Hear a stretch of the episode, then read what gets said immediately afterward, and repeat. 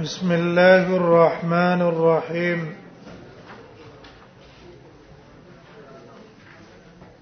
مصنف رحمه الله مخکې دا مسله ذکر کړه چې کله سقرا اولګېدلو هغه په یو سند کې یو راوی زیات کو یا د حدیث په متن کې یو لفظ زیات کو لیکن دا چې قراوی د نورو راویانو سره په روایت کې شریک دی زیادت د دې ثقه به معتبري زیادت د دې ثقه به دا معتبري دغه داګه د پاره علما مثالونه خو دي یو مثال د صدقه الفطر ده صدقه الفطر کې باج روایتونه دي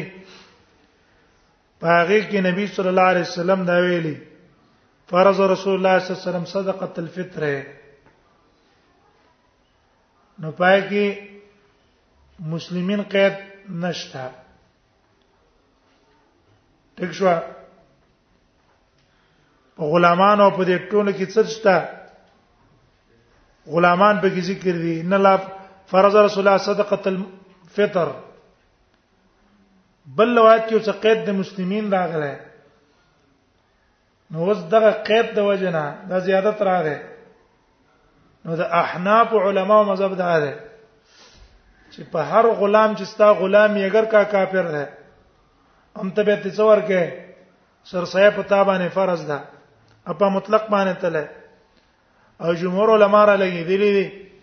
چې دې حدیث کې بل راوی او سقیت لګوله او هغه زیادت د ثقه ده معتبر ده چې ستا غلام کافرو ته مالک وی غلام د کافر دی نو په تابانه سرسیا د غشته دی نه سرسیا د چا پر چا طرف نه پرځي مسلمان د طرف نه پرځي ول رسول الله صلی الله علیه وسلم قید ده مسلمانینو سره لګوله دا غزیادت د ثقه شو څه شلو دا غزيادت د ثقه شو بیا دویم مثال چې زین ته څه پریوزی مثلا حدیث کې نبی صلی الله علیه وسلم نقل د اقامت په باره کې اقامت په باره کې چې عمر بلال بلال ته حکم شوه دی چې ته به اقامت دوه دوه ځل کې ويوتر اقامه نو عام راویان ويوتر الاقامه نقل کړه تر دې چې امام مالک هغه لفظ د یوتر الاقامه ویل نو وز د یوتر الاقامه لفظ دلالت کوي په دې چې قد قامت الصلاه به یو ځل وکنه لیکن په دغه روایت کې ایوب سره دا زیادت کړه چې الا الاقامه ويوتر الاقامه الا الاقامه دا زیادت د ایوب په دې حدیث کې ده دا زیادت د چا شو زیادت د ثقه شو چې زیادت د ثقه شو نو معتبر شو نو لفظ د اقامت په دوه ځلوي د وجه د چانه د دې زیادت نه او که یو راوی دی پاګه کې کلام دی او هغه را اولګي د زیادت یو کو نو د زیادت له اعتبار نه تبه نه زیادت به اعتبار نه اگر هغه مثال بخاری کې به تراش یو حدیث ته په بارد غړو کې مطلق دی چې نبی صلی الله علیه وسلم فرمایي چې مګه په غړو کې مړه شو القوها القوه وما حوله دا غړي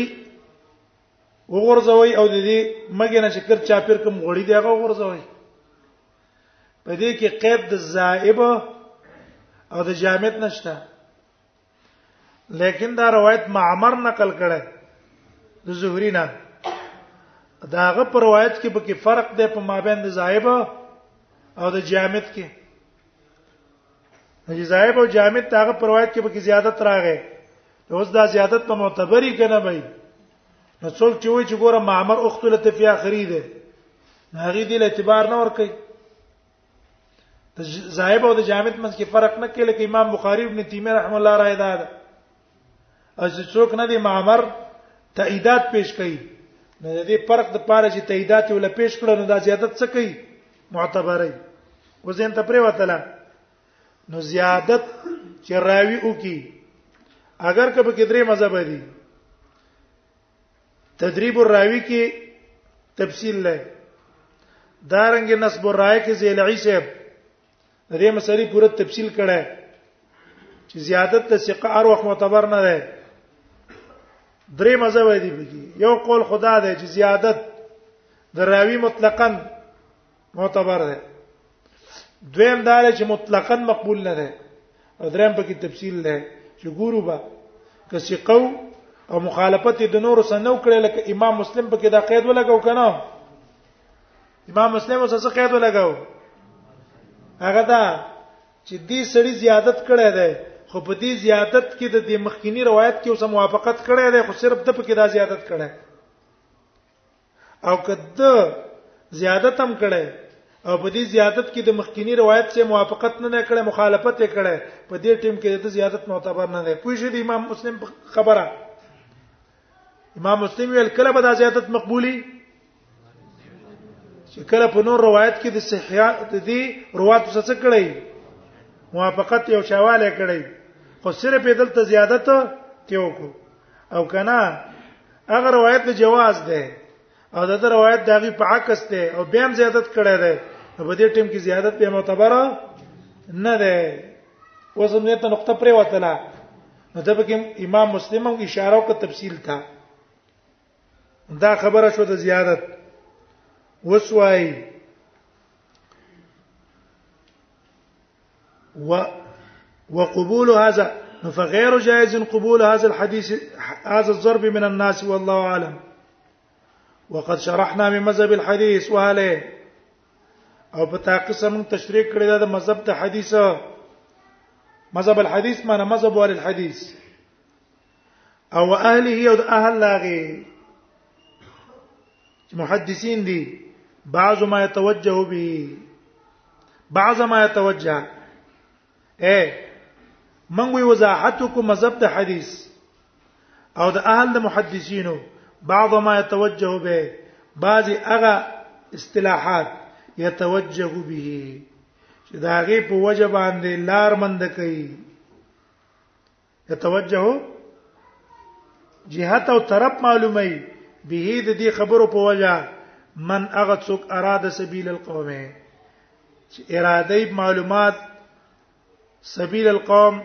هغه لار د محدثینو او وفق لها او الله ول توفیق هم ورکړي وی د معلوماتو دا غینا ایوه ما تفصیلی واقعونه کا صرف مختصر می بیان کړي د دې لپاره چې د چا اراده دی چې رسول سید دې زوی په دې معلوم کم او د محدثینو طریقه معلومه کم چې دې اوچت اعلی درجه حدیث د دې پنځ کم ده او دویمه درجه والا حدیث کم ده او زوی په حدیث د دې پنځ باندې کم ده دا کیفیت او طریقه معلومول دا ما چې کوم ذکر کدا او ته څخه جهات او طرف او تورخه سپیشوي وقد شرحنا من وضاحتك من مذهب الحديث د مذهب د حدیث نه یره صحیح حدیث کم ده ضعیف کم ده کم معتبر ده کم معتبر نه ده او اهله همدارنګ د محدثین رایا صحیح حدیث او ضعیف حدیث کې څه ده بعد ما يتوجه به من وضاحت وکړو شرحنا بعد ما يتوجه من وضاحت کو د بعض هغه قواعدو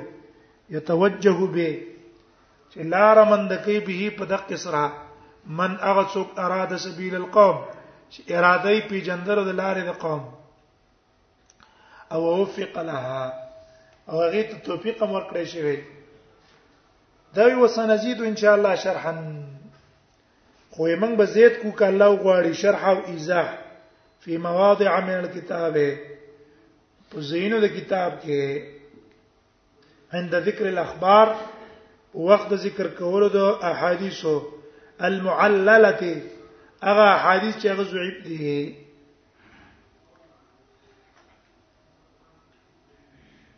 یو سنزیدو ان شاء الله ما غدو راي دي مخکې چې موږ بیان کړی یو قول حاکم ده چې دې کې د مصنف غرض دا و چې زبر د ضعیف روایتونه مستقل لاوړم ولكن اخترمته المنيه مرګ پر هغه او د مرګ د وجه نه هغه ته اوسګار نشو دویم قول هغه دا دی چې هغه راجح ده چې نه دا په دې کتاب کې یاد دی او دا په کتاب کې هم دقه څه کوي چې حدیث به ذکر کوي او به به وایي چې دا حدیث کې دا ذوب ده دا علت ده دا به کې وجه ده او دا خبر راجح ته ان شاء الله کتاب کې چې تاسو مطالعه کوئ یا به تپته لګي دا په دې کتاب کې دا کار کړی و وايضاحا او وضاحت فی مواضع من الكتاب زیات بکو وضاحت په زینه د کتاب کې عند ذکر الاخبار په وخت ذکر کولو دا حدیثو کې المعلله چې معلله دي به معلله دا صيغه اسم مفعول ده اعلن ماخوذ ده عام علما وایي چې دا لفظ اکثر اگر که محدثین استعمال کړي مثلا د معلله ویلې په دوه لامونو امام بخاری ابو داود او د ټول محدثینو لفظ د معلله استعمال کړي یا د دې نه مفعول جوړ کړي د معلوله وې دا بهتر نه ده معل پکار دی معل په یو لام سره ولی معلله دا اصل کې معنا دا الها غافل کېدل الهاؤه بشیء پیوشي مشغولې کېدل هغه معنا ده او دلته خو معلله هغه حدیث ته ویل کی چې پکې څه وی علت وی مرض پکې دیو جنا دا لفظ راجح نه ده راجح لفظ معل معل دا حدیث څه شه ده معلل نه ده معل معنا په دې کې علت ویل شوی ده نو اول معل دویمه درجه به د معلول لا معلول وایا او دا معلل ویل بهتر نه دی علت څه ته وي معلله د علت نه ماخوذ ده علت خپل لغوي معنا ده المرض مرض ته وي بیماری ته وي مرض او په اصطلاح د محدثینو کې علت څه ته وایي نو علت ویل کیږي دې ته چې دا علت خفیه دا یو پټ علت په حدیث کې ظاهر کې داغه په زوب د حدیث سره نه پويږي لیکن په دې کې علت قادحه ده پټه چې پاغه باندې اهل الفن پويږي اهل الفن نو علت خفیه ته څه ویل کیږي هغه ضعف خفیه په حدیث کې یا په متن کې هغه ته علت ویل کیږي او دې علتونه اړ یو تن نشي معلومه ولا دا اصل کې هغه کسان معلومه چې هغه څه دي هغه ضبط او اتقان والا دي ضبط او اتقان والا او د دې د معلومولو طریقه دا ده چې دا ټول روایتونه چې په مختلفو سندونو راغلي تاسو یو ځای کې جمع کړئ او به په کې وګورئ نو پته به تلګي چې را دې حدیث کې اصل کې دې ځکه ورانه شوی په شوی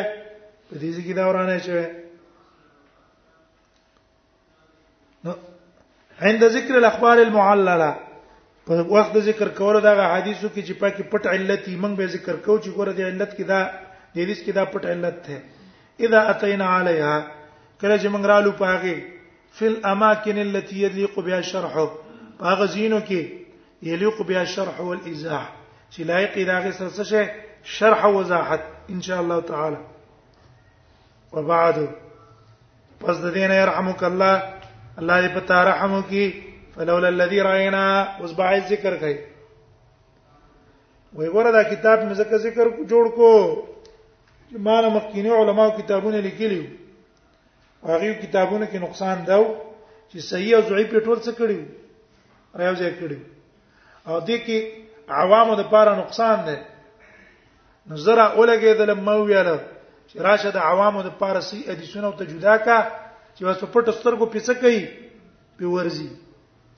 نو که صحیح وي کنه نو کتی محدثین دا کار نه وکړي ما به مسلم نه جوړولای ما به د مسلم طالب نه کوله خو دې مخکینو مصنفینو صحیح او ضعیف جمع کړی دي نو دا غیر وجه ما څو کړو ما صحیح مسلم جوړ کړو وبعد يرحمك الله پس د دین الله دې پتا رحم وکي فلولا الذي راينا کچرته نه هغه چې موږ لیدلې ده من سوء سنيع كثير ممن نصب نفسه من سوء صنيع د ډیر بد عمل د هغه چانه کثیر ممن نسب نفسه د ډیرو هغه نه چې ځان او درولې ده محدثا محدثا ځان ته محدث وای فيما يلزمهم من طرح الاحاديث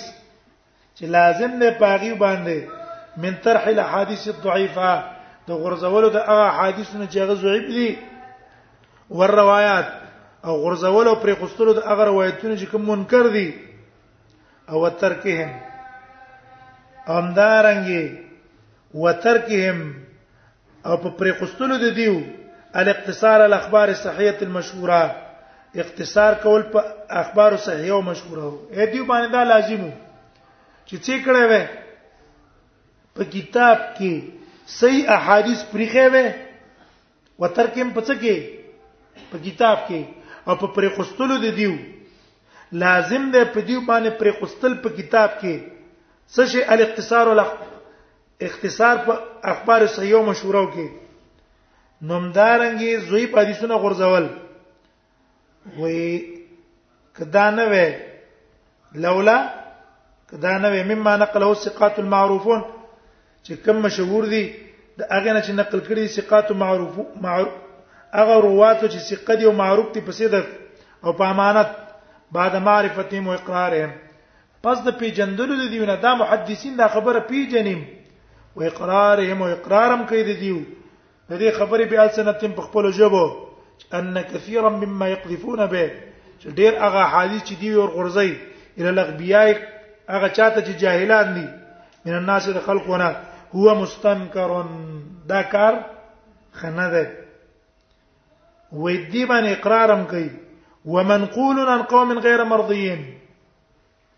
اوم دارنګ د حدیثونو منقول دي دا قوم نه غیر مرضیین چې هغه غورم نه دي معنا ضعیف راویان دي ممن زم الروایت عنهم د هغه چانه چې بدی ویل د حدیث نقل کولو دا غیونه ائمه الحدیث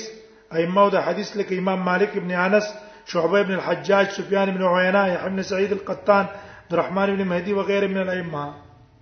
معنی دی ائمه په یو راوی باندې جرح کړي چې دنه روایت نقل کول جایز نه دي او بیا دا محدث را لګیدل دی د دقه سي ضعیف روایتن موضوع د ضعیف راویان نه څه کړو په دې کتاب کې روایت نقل کړو کدی محدثینو دا کار نه وکړي